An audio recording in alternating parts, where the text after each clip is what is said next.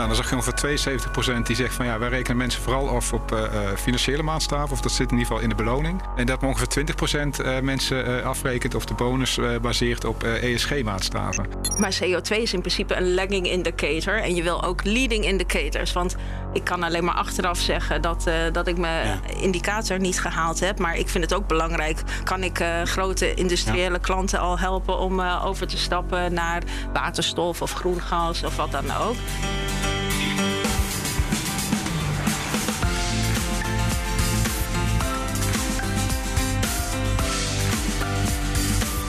Je luistert naar De Kwestie, een podcast van de Amsterdam Business School. In deze podcast praten we over de wetenschappelijke inzichten bij en de echte impact van bedrijfskritische ontwikkelingen. Mijn naam is Sander Denneman. Sustainability and climate change are global challenges. There's now a growing focus on how companies perform and report on these matters. Many important initiatives exist also at the regional level, but when the challenges are global, the most optimal would be global solutions together with regional initiatives. And that's why we're introducing a new type of CFO. Whereas the traditional CFO is responsible for a company's financial actions, the new type of CFO, a carbon footprint officer, is responsible for a company's carbon footprint. In our cases, it's quite the opposite. We say that ESG is our business. So we are, we, we are, we have always been behind it and will continue to be. And ESG financing is just another layer on top of that, but the business case has always been there. In deze aflevering is de kwestie: hoe staat het met environmental and social governance in business reporting? Dat hoor je van mijn gasten Frank Verbeten. Frank Verbeten, hoogleraar accounting aan de UVA en programmadirecteur van de controlesopleiding van de UVA. En Janine Tijhaar. Janine Tijhaar, CFO en Eco. Duurzaamheid staat bij consumenten en de politiek al tijden hoog op de agenda. Iedereen moet zijn steentje bijdragen om de grote uitdagingen van deze tijd aan te pakken, zoals klimaatverandering en maatschappelijke ongelijkheid. Ook bedrijven. Maar verduurzamen is voor ondernemingen niet altijd zo eenvoudig als het voor de buitenwacht lijkt. De balans tussen het realiseren van winst en tegelijkertijd duurzaam zijn en maatschappelijk het juiste doen is een gecompliceerde vraag voor bestuurders. Maar ook rapporteren over duurzaamheid en daarop sturen staat nog in de kinderschoenen. Te beginnen bij de vraag: hoe definiëren we duurzaamheid en hoe meten we dat eigenlijk?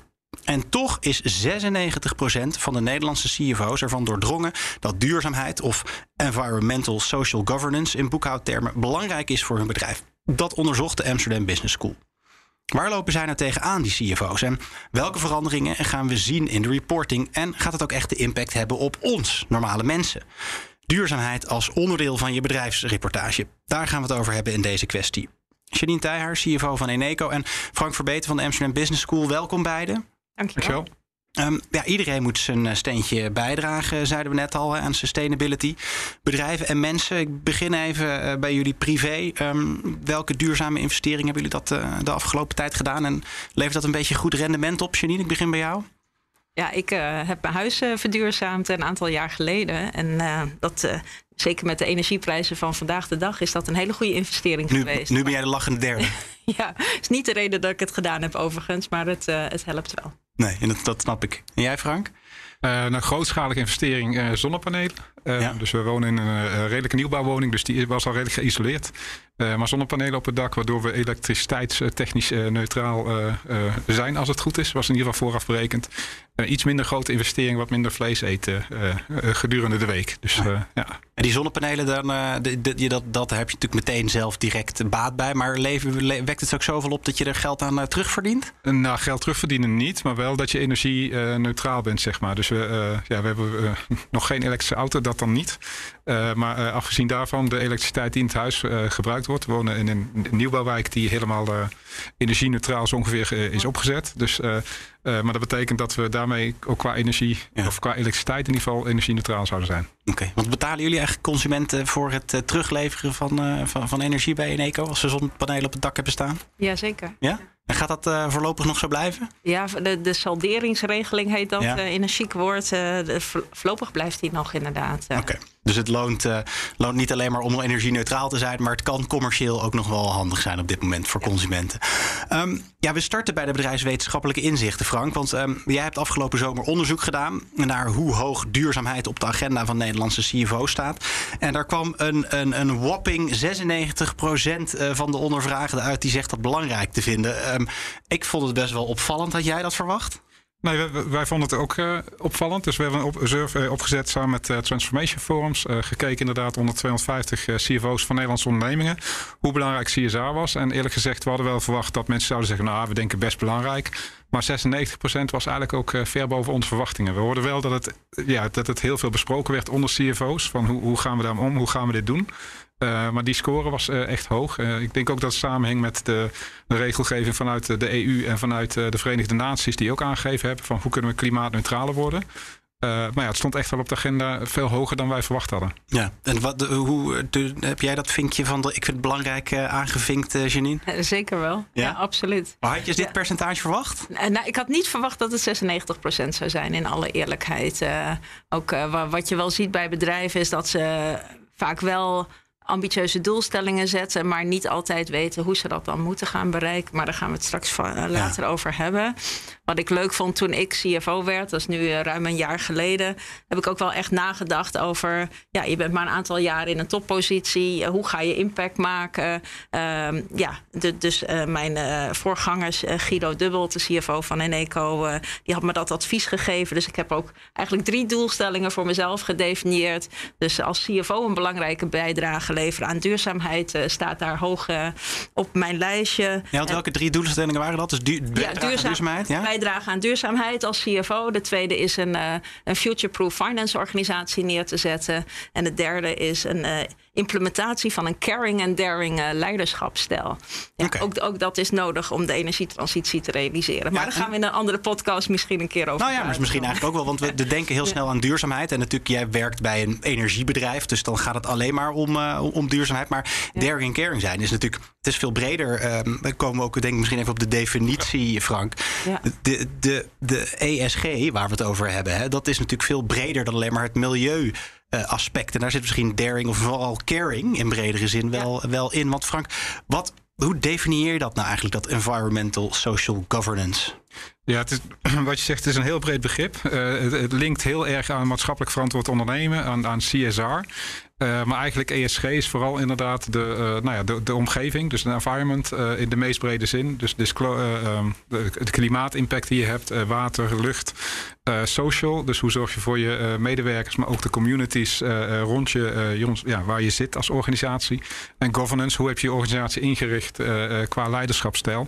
Nou, die raakt mooi aan de derde inderdaad, daring en caring. Hoe zorg je dat je mensen binnen je organisatie, bij de organisatie betrekt ook. Ja. Uh, dus wat dat betreft, ik zou het inderdaad ook bij de, de, de ESG-doelstellingen uh, scharen. Ja. Ja, ja, zie je wel. Maar want, want is dat dan iets, Frank, wat. Uh, dit, dit, zijn, dit is een vrij brede algemene definitie. Maar is dat dan in, uh, in, in de finance-wereld toch uiteindelijk iets wat ieder bedrijf voor zichzelf bepaalt, wat het nou is? Ja, dus je hebt een aantal frameworks. dus, ja, dus je hebt een aantal reporting frameworks die wel inrichting geven aan van wat moet je nou precies doen. Uh, maar je hebt bijvoorbeeld uh, bij financiële uh, zaken heb je IFRS, dus de International Financial ja, Reporting. Standards, waar precies wordt beschreven wat je moet doen. Die zijn ook net, die zijn ook net of na een tijdje terug, hebben ze het ingevoegd, toch? Die zijn toch geüpdate om. om Daar zijn ze mee bezig, ja. ja. Maar bij IFRS bijvoorbeeld, als je daarover rapporteert, moet het gecontroleerd worden door een accountant. Ja. dit is eigenlijk de niet-financiële maatstaven. Daar is, ligt veel meer vrijheid voor ondernemingen. En dat is op zich wel logisch in de zin dat bijvoorbeeld als je nou, in eco of AXO bent, dan is misschien uh, uh, ja, carbonuitstoot een heel belangrijke. Ja. Of CO2-uitstoot. Als je misschien een uh, supermarkt bent, dan is het veel meer hoe ga je met je personeel om, waar je misschien iets meer over wilt vertellen. Dus afhankelijk van de industrietak kun je best aparte zaken afspreken, zeg maar. Ja. Uh, maar dat, dat, daar is veel meer vrijheid, in ieder geval nu nog. Uh, dat, dat gaat veranderen. Dus daar komt regelgeving van de EU aan die dat uh, ja, veel, de, veel, veel meer gaat omschrijven en ook vereist van een accountant dat hij daar iets over zegt. Um, en inderdaad, IVRS uh, eh, Foundation is daar ook mee bezig om te kijken hoe dat geïntegreerd kan worden. Uh, wat niet altijd meevalt. Nee, begrijp ik. Want wat is, Janine, wat is duurzaamheid of ESG voor jullie bij Eneco? Uh, ik vind, vind, het leuk dat je die vraag stelt, want ESG is zo breed, zoals Frank ook al zei, is dat het best wel moeilijk is om tussen de bomen het bos te zien. Dus, dus wat doe je? Dus Eneco die heeft een GRI-framework geadopteerd. De GRI-framework? staat voor Global Reporting Initiative. Dus dat is eigenlijk... en, en de eerste stap die je dan neemt... is dat je een materialiteitsmatrix maakt. Dus dan ga je eigenlijk een lijst maken met alle topics... op het gebied van E, S of G... die belangrijk zijn voor je organisatie. Die ga je dan bespreken met je stakeholders. En stakeholders zijn natuurlijk niet alleen aandeelhouders... maar ook klanten, overheden, leveranciers en dergelijke. En daar komt dan een lijst uit met topics die voor Eneco heel belangrijk zijn en voor haar stakeholders. En, en, en aan de hand daarvan kun je dus eigenlijk bepalen wat dan waar je op in moet gaan zetten. En waar, waarom noem ik dit zo expliciet? Omdat het heel mooi is om eigenlijk je eigen strategie te toetsen aan de hand van het materialiteitsanalyse. Uh, uh, je kunt ook uh, trends identificeren. Je kunt ook middelen toewijzen op een betere manier als dat je overal aandacht aan gaat besteden. Dus, dus dat helpt enorm om meer focus te krijgen op je duurzaamheidsstrategie binnen een bedrijf. En dat hebben wij bij Eneco ook gedaan. Ja, want jullie hebben dus zo'n matrix gemaakt gemaakt. Ja. Dat hebben jullie overlegd intern met allerlei stakeholders. En wat, wat is dan de belangrijkste prioriteit bij jullie? Eh, de belangrijkste prioriteit is, die niet alleen wij belangrijk vinden, maar onze stakeholders ook, is om klimaatneutraal in 2035 te zijn. En die meten we middels uh, CO2-footprint. Dus dat is voor ons dan ook de belangrijkste KPI. Ja. En, uh, en, en dat kwam er eigenlijk als meest materiële item uit. En daarnaast hebben we ook nog andere dingen die we heel belangrijk vinden op het gebied van, uh, van uh, social en ook van governance. Dus bij, bij governance vinden wij het belangrijk om een proactieve bijdrage te leveren. Bijvoorbeeld aan de overheid, om, om de duurzaamheidsagenda te helpen te ontwikkelen. Dus wij, wij adviseren bijvoorbeeld de overheid of we gaan met hun in overleg hoe we bijvoorbeeld uh, subsidies op waterstof kunnen, uh, kunnen genereren, zodat we die ook de industrie kunnen overhalen naar een, een duurzame, ja, duurzame strategie. Okay. Dus dat soort dingen, daar helpen wij ook in. Hoe kijk je daarnaar, Frank? Zo'n matrix maken, wat vind je daarvan?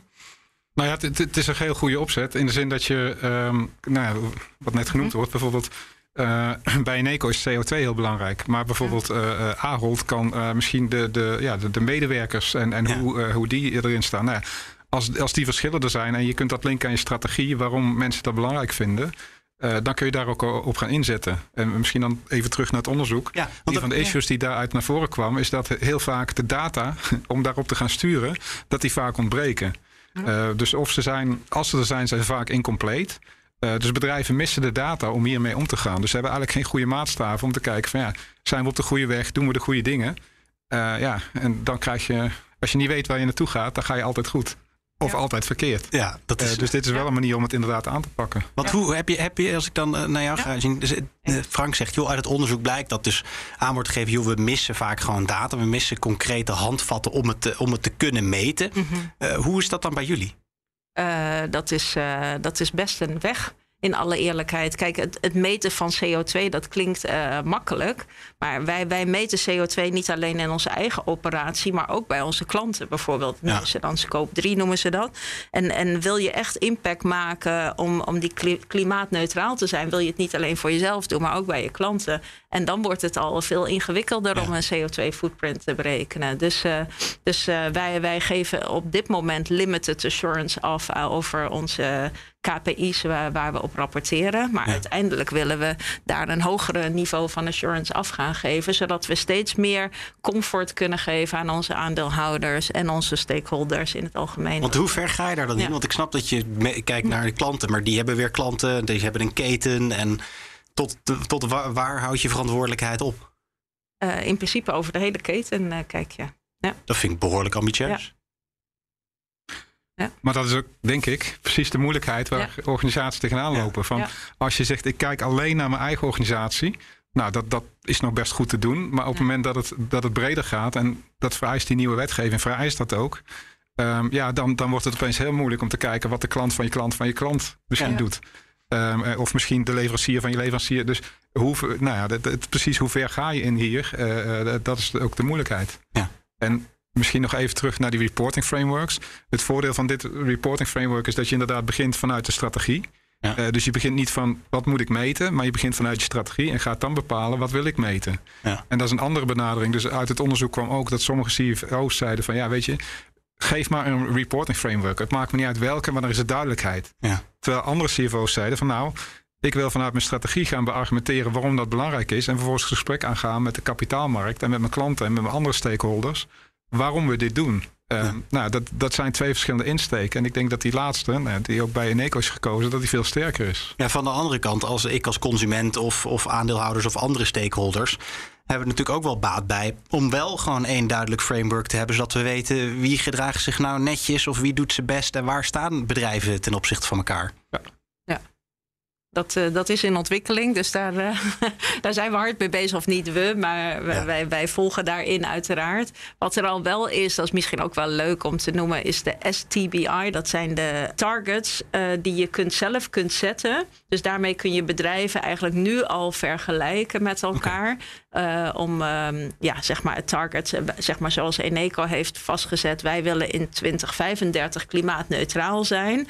Dan is er een onafhankelijk bureau die dan mee of wij on track zijn, zeg maar, om dat te doen. Dus, ja. uh, en, en, en andere bedrijven doen dat ook. Er zijn al duizenden bedrijven die daar, zeg maar, STBI-targets al tracken. Dus vooruitlopend op de, de officiële guidance die er nog ja. allemaal gaat komen. Dus het, het, het, we zijn er al mee bezig om dat, uh, om dat te kunnen, naast elkaar te kunnen leggen. En het, en het is er voor de, en, en er komt nog, nog veel meer aan, Frank. Nog even terug naar jouw onderzoek. Je, je noemt nu al een tweetal dingen. Wat, wat zijn de, de, de, belangrij, de andere belangrijke uitkomsten? Nou, een andere die wel interessant vond ik persoonlijk interessant, is dat je vraagt van uh, hoe, hoe, hoe implementeer je dit nou eigenlijk binnen je organisatie? Uh, daar heb ik gevraagd van waar worden managers in je organisatie nou op afgerekend? Nou, dan zag je ongeveer 72% die zegt van ja, wij rekenen mensen vooral af op financiële maatstaven, of dat zit in ieder geval in de beloning. Ja. En dat ongeveer 20% mensen afrekent of de bonus baseert op ESG-maatstaven. Ja. Dus er zit nog een behoorlijk verschil tussen nou, wat, de financiële maatstaven en het belang daarvan voor bonussen enzovoorts en de ESG-maatstaven. Als je daar een bedrijf op doorvraagt, dan zeggen ze van ja, maar we willen ook niet. Want we vinden eigenlijk ESG uh, vinden we zo belangrijk dat we er geen bonus aan koppelen. Dat klinkt wat raar. Ja. Maar ze zeggen van ja, we willen eigenlijk mensen hebben die, die uh, ESG doordrongen zijn, zeg maar. Uh, en dan binnen dat ESG-kader gaan werken aan, aan winst. Ja, dus dat... we vertrouwen vooral op intrinsieke motivatie en veel minder op de, de financiële prikkels. En is dat niet een beetje wensdenken? Ja en nee. Uh, in de zin, um, ik denk, kijk, het is heel moeilijk om te contracteren. Uh, want omdat ESG zo breed is, kun je zeggen van ja, weet je, we zetten vooral in op uh, carbonuitstoot, maar even heel zwart-wit. Dan doen we helemaal niks meer aan medewerkerstevredenheid. of we doen ja. helemaal niks meer aan leiderschapsstijl.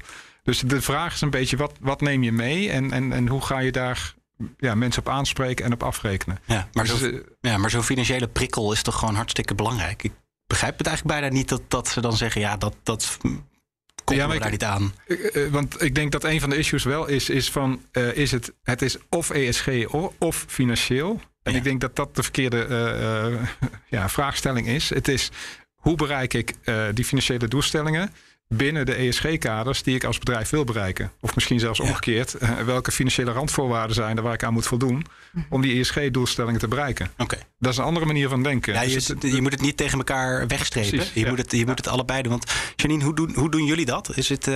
Wij hebben wel degelijk targets uh, in ons systeem zitten voor alle medewerkers en ook voor de raad van bestuur uiteraard op CO2 en ook op klanttevredenheid en op employee-tevredenheid ja, zit, uh, zit inderdaad in onze incentive. Uh, en dat vind ik ook belangrijk. Uh, en wegen die, dan, die wegen die dan net zo zwaar mee? Of, nee, de, ze wegen dus 60% is financieel op dit moment en 40% is niet financieel bij ons. Oké, okay, je zegt op dit moment klinkt alsof er misschien een dat verschuiving zou, gaat plaatsvinden. Dat zou me niet verbazen. Nee, dat zou me niet verbazen. Nee. Janine, we hebben het hier natuurlijk nu al heel eventjes over, maar even praktisch. Hoe zet je nou zo'n ESG-doelstelling neer? Hoe creëer je dat? Wij hebben een roadmap gemaakt. Dus we hebben eerst die ambitie gezet uh, samen met onze aandeelhouders en andere stakeholders. 2035 klimaatneutraal.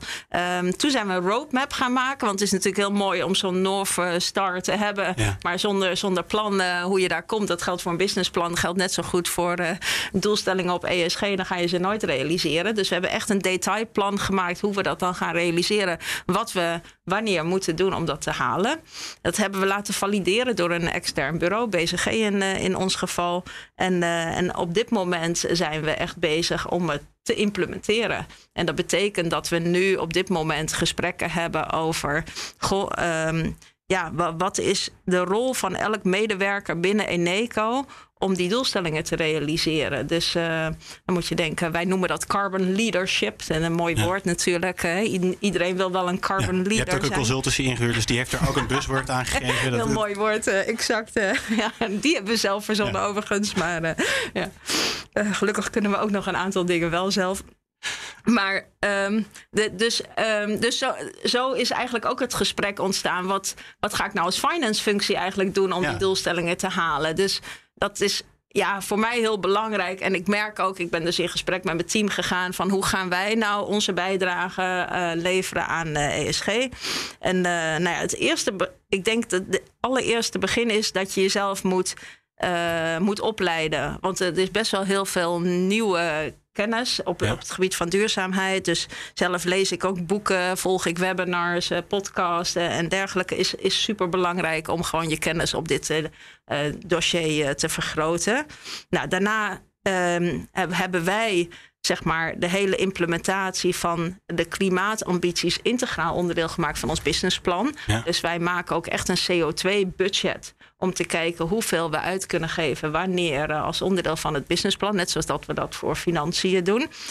Nou, daarna ehm, hebben we ons dus gecommitteerd aan dat target. Daar hadden we het al over, de STBI-target. En dan komen we bij de KPI's. Nou ja, dan, dan, begint dus de moeilijkheid. Dus de KPI's naar CO2, dat lukt dan dus nu nog. Dus we hebben dat redelijk voor elkaar inmiddels dat we CO2 kunnen meten. Maar CO2 is in principe een lagging indicator. En je wil ook leading indicators. Want ik kan alleen maar achteraf zeggen dat, uh, dat ik mijn indicator niet gehaald heb. Maar ik vind het ook belangrijk hoeveel warmtepompen heb ik nou geïnstalleerd. Om, of uh, of uh, kan ik grote industriële klanten al helpen om over te stappen naar waterstof of groen gas of wat dan ook. Dus, dus daar het gesprek over gaan en zorgen dat je niet alleen KPI's hebt, leading, of niet alleen lagging, maar ook leading. Nou, dan de incentives, dus de bonussen, daar hadden we het ook al over. Als CFO heb je daar ook een belangrijke rol in. Nou, dan uh, toetsen we onze acquisities aan CO2. Is denk ik ook uh, heel erg belangrijk. Ons portfolio management kijken we ook naar CO2. Um, ehm, en dan nog twee dingen, denk ik, die ik ook nog leuk vind om te vermelden, is de de leningen. Dus wat wij doen is in de leningen die wij van banken afnemen, hebben wij sustainability KPI's in de leningen. Daar krijgen we dus ook korting voor. Okay. Dus, uh, dus, en, en die zijn gewoon gelinkt aan onze eigen KPI's uh, die wij uh, willen realiseren. Dus daarmee helpt de bank ons om onze doelstellingen te halen. En, en tegelijkertijd zijn, we, zijn we met de juiste dingen bezig.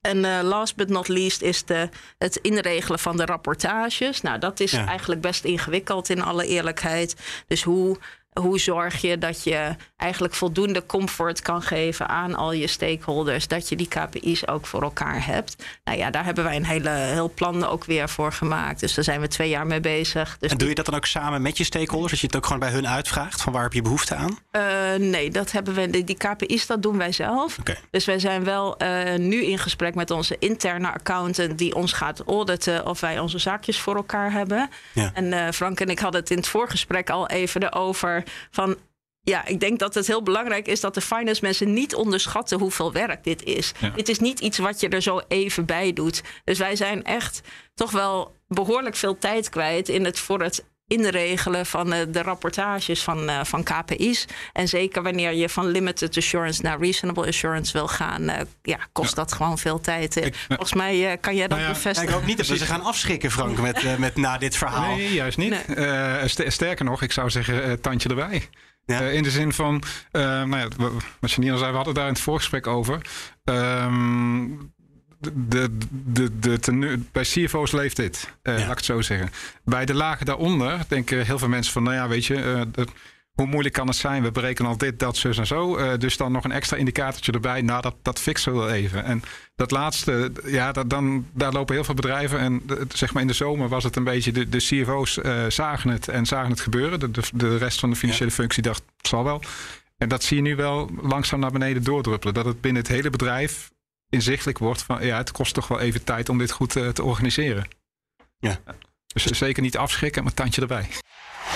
We zijn, uh, we zijn redelijk op weg. We hebben het voor een groot gedeelte gehad over wat je als bedrijf zelf kan doen. We gaan ook doorpraten over wat um, het duurzaamheid in business reporting nou betekent voor de echte wereld, om het zo maar even te noemen. Um, en om dat af te trappen leg ik jullie twee stellingen voor. Um, ik wil graag horen of jullie het ermee eens zijn of oneens. en daarna praten we erover door. Dus we gaan even ongenuanceerd erin, maar dan uh, kunnen we daarna gewoon uitgebreid uh, genuanceerde antwoord geven. Janine, ik begin bij jou. Grote bedrijven worden alleen maar duurzamer als er voldoende druk van buiten is. Mm, niet waar. Waar? Ja? Nou, laten we er meteen over door. Ja, dat is leuk. ja. ja. jij zegt niet waar. Want het is alles vanuit Eneco's uit intrinsieke motivatie gekomen. Ja, ja? ja. Niet omdat het de, hele wereld uh, de, de, de, druk staat. Van, de druk van buiten helpt enorm. De helpt om de versnelling te realiseren. Maar in principe zit bij Eneco, en dat vind ik ook echt het mooie, dat voel je ook echt, zit in het DNA van de mensen om een bijdrage te leveren aan de, uh, aan de klimaatambities. Uh, dus okay. daar ben ik ook trots op. Dat zie je ook waarschijnlijk. Klink, klinkt mooi. Je, ziet ja. er, je, je, praat er ook enthousiast over, Frank. Jij zegt, ja, dat, dat, is, dat is wel waar. Je moet druk nou, van in de zin, hebben. kijk, de druk van buiten die kun je heel breed zien, denk ik. Um, maar als er geen druk van klanten is uh, om, om hier iets te, mee te doen, om, om groene energie te vragen, als er geen druk van de regelgeving is. Ja. Om uh, de cost of capital aan te gaan passen op het moment dat je. Ja, dan, dan is de prikkel voor bedrijven om te veranderen is, is heel beperkt. Um, dus druk van buiten. Ik, ik, denk dat het niet alleen de regelgeving is. Dus het, het, het feit dat er anders gerapporteerd moet gaan worden dat op zich zal niet, niet de driver zijn, want dan, dan pas je rapportage aan en that's it. Ja. Maar de druk van buiten is, het is en de regelgever die zegt, bij, uh, uh, als je uh, goed op klimaat scoort en of op andere brede dingen, dan gaat je cost of capital naar beneden. klanten die zeggen, ik wil een groener, anders koop ik het niet meer. leveranciers die zeggen, ik moet het goed in mijn organisatie georganiseerd hebben, want anders willen mijn klanten het niet meer. Ja, dan krijg je druk van buiten die dit helpt om te zetten. dus ik denk dat het zowel vanuit het bedrijf moet komen. Dat maakt het een stuk makkelijker om, om dat ja. door te voeren. Maar ik denk ook dat je um, ja, dat er wel druk van buiten is. Dus misschien bijna een validatie om het te versnellen dan misschien. Ja, ja, ja. De issue waar je denk ik wel misschien tegenaan gaat lopen is dat er. Kijk, het gaat een beetje over de grote groep en wat is het gemiddelde. Dus ik denk dat de druk van buiten nodig is uh, om, het, om de grote groep om te krijgen. Ik denk waar je wel voor moet oppassen is dat je niet een, uh, um, een zodanige omgeving zeg maar creëert dat een aantal bedrijven zegt van weet je, dit, dit gaan we toch allemaal niet halen. Nou ja, dan gaan we maar ook op de meest smerige manier uh, uh, uh, produceren. want dan hebben we in ieder geval de financiële winst. En dat, nou ja, dat we al die andere doelen niet halen, nou ja, het zal zo. dus dan ga je eigenlijk... Ben je daar echt bang voor? Ik denk, een, ik kan me voorstellen nogmaals in de, in de olie- en gasindustrie, in, als je echt de heel goedkope kleding, ik, nogmaals, ik, dan, dan kan ik me voorstellen, en nogmaals, dat zal niet een grote groep zijn. maar een aantal bedrijven als een soort, nou ja, rogue traders, of hoe je dat ook moet ja. noemen, rogue uh, producers, dat hij er zo tegenaan kijkt. En ligt er misschien ook uh, aan de plek van de wereld waar je bent en wat daar de stand van de, van de economie en de gedachtegang daarover ja, is. Ja, ja. ja. Maar het, kijk, we kunnen in Nederland zeggen van we hebben het helemaal goed geregeld en uh, dus het, het, het zal iets wereldwijd moeten zijn, wil je met dit klimaat aan de gang gaan. En uh, dat vereist wel, zeg maar, kijk, Europees denk ik dat het redelijk goed georganiseerd is. Ja. Uh, je, je, ziet ook over het algemeen dat Europese regelgeving best consequenties heeft voor de rest van de wereld, omdat het een grote markt is. Ja. Uh, maar ja, als je niet in die markt zit en in andere landen, ja, dan, dan kan het ook zijn dat je zegt van, nou, weet je, ik, ik doe mijn eigen ding. ik heb geen last van Europa of, of ja, klanten die daar heel kritisch op zijn. Ja. Zo so be it. Oké. Okay. Ik ga door naar de volgende stelling. Frank, ik leg hem als eerste aan jou voor. Ieder bedrijf kan duurzaam worden als klanten maar bereid zijn de rekening te betalen. Uh, niet waar. Niet waar. Nee? Ik, Frank, ga deze keer als eerste naar jou ook. Ja. Niet waar? Um, kijk, uiteindelijk betaalt de klant, linksom of rechtsom. Uh, maar de, de, de, vraag is een beetje of een klant op een gegeven moment nog wel bereid is om te betalen voor een product wat niet duurzamer is. Okay. Uh, en dan draait het eigenlijk om. Ja. Uh, kijk, als, als alle klanten zeggen het moet duurzaam geproduceerd worden, dan krijg je misschien op een gegeven moment ook. Kijk, de eerste elektrische auto was heel duur. De eerste zonneauto is heel duur. Op het moment dat dat gemeengoed wordt en ze drukken alle benzineauto's uit de, uit de, de markt, om het zo te zeggen, ja, dan wordt op een gegeven moment uh, de benzine heel duur.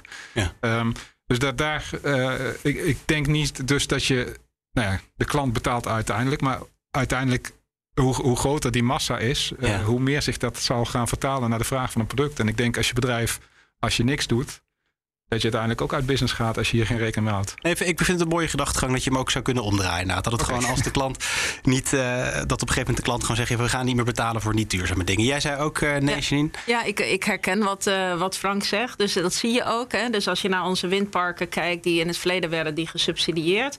En tegenwoordig zijn er heel veel tenders in de markt voor offshore die eigenlijk helemaal niet meer gesubsidieerd hoeven te worden.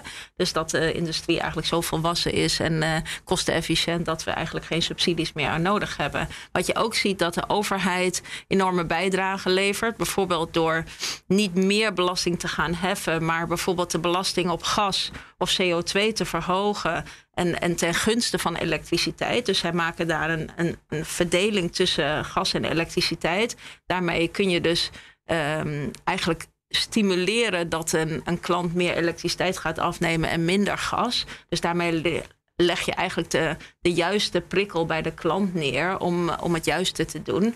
En uh, overal is dus het bedrag, het bedrag, wat de overheid krijgt nog steeds hetzelfde. Alleen uh, ligt de incentive, dus de vervuiler betaalt, is dan eigenlijk uh, de methodiek die de overheid. En, en dat is heel effectief. Ja. ja. en, en, en nog even terugkomen op je vorige stelling. Waar, waarom vind ik dat een bedrijf ja, zeg maar inherent uh, gemotiveerd moet zijn. Omdat je ziet, toen wij de klimaatambities naar buiten brachten om in 2035 uh, CO2-neutraal te zijn, dan zie je wat er gebeurt. Want dan komen klanten zelf naar je toe. En dan zeggen ze van, goh, uh, Eneco, kom ons helpen om, om ook duurzaam te worden. Je ziet medewerkers die willen graag bij Eneco gaan werken om, om te komen helpen. Dus de ik denk als je als CFO ook kijkt naar de business case, wanneer je snel acteert op het gebied van duurzaamheid, dan is je business case met een first mover advantage eigenlijk vele malen beter dan wanneer je een lagger bent en, uh, en eigenlijk dan uh, uiteindelijk uh, nog heel veel extra kosten moet ja. maken. Dus,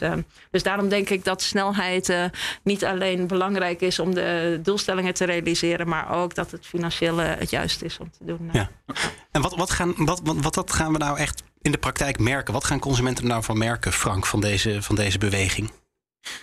Ik denk, als je bijvoorbeeld kijkt naar productontwikkeling, dan, dan zie je dat uh, bedrijven steeds meer proberen om iets al, een product of een dienst al uh, eh, ESG-compliant te maken. Ik weet niet of, je dat, uh, of dat een goede term is, maar dat ze wel vooraf denken van ja, oké, okay, wat zijn de consequenties als bijvoorbeeld iets opgeruimd moet worden.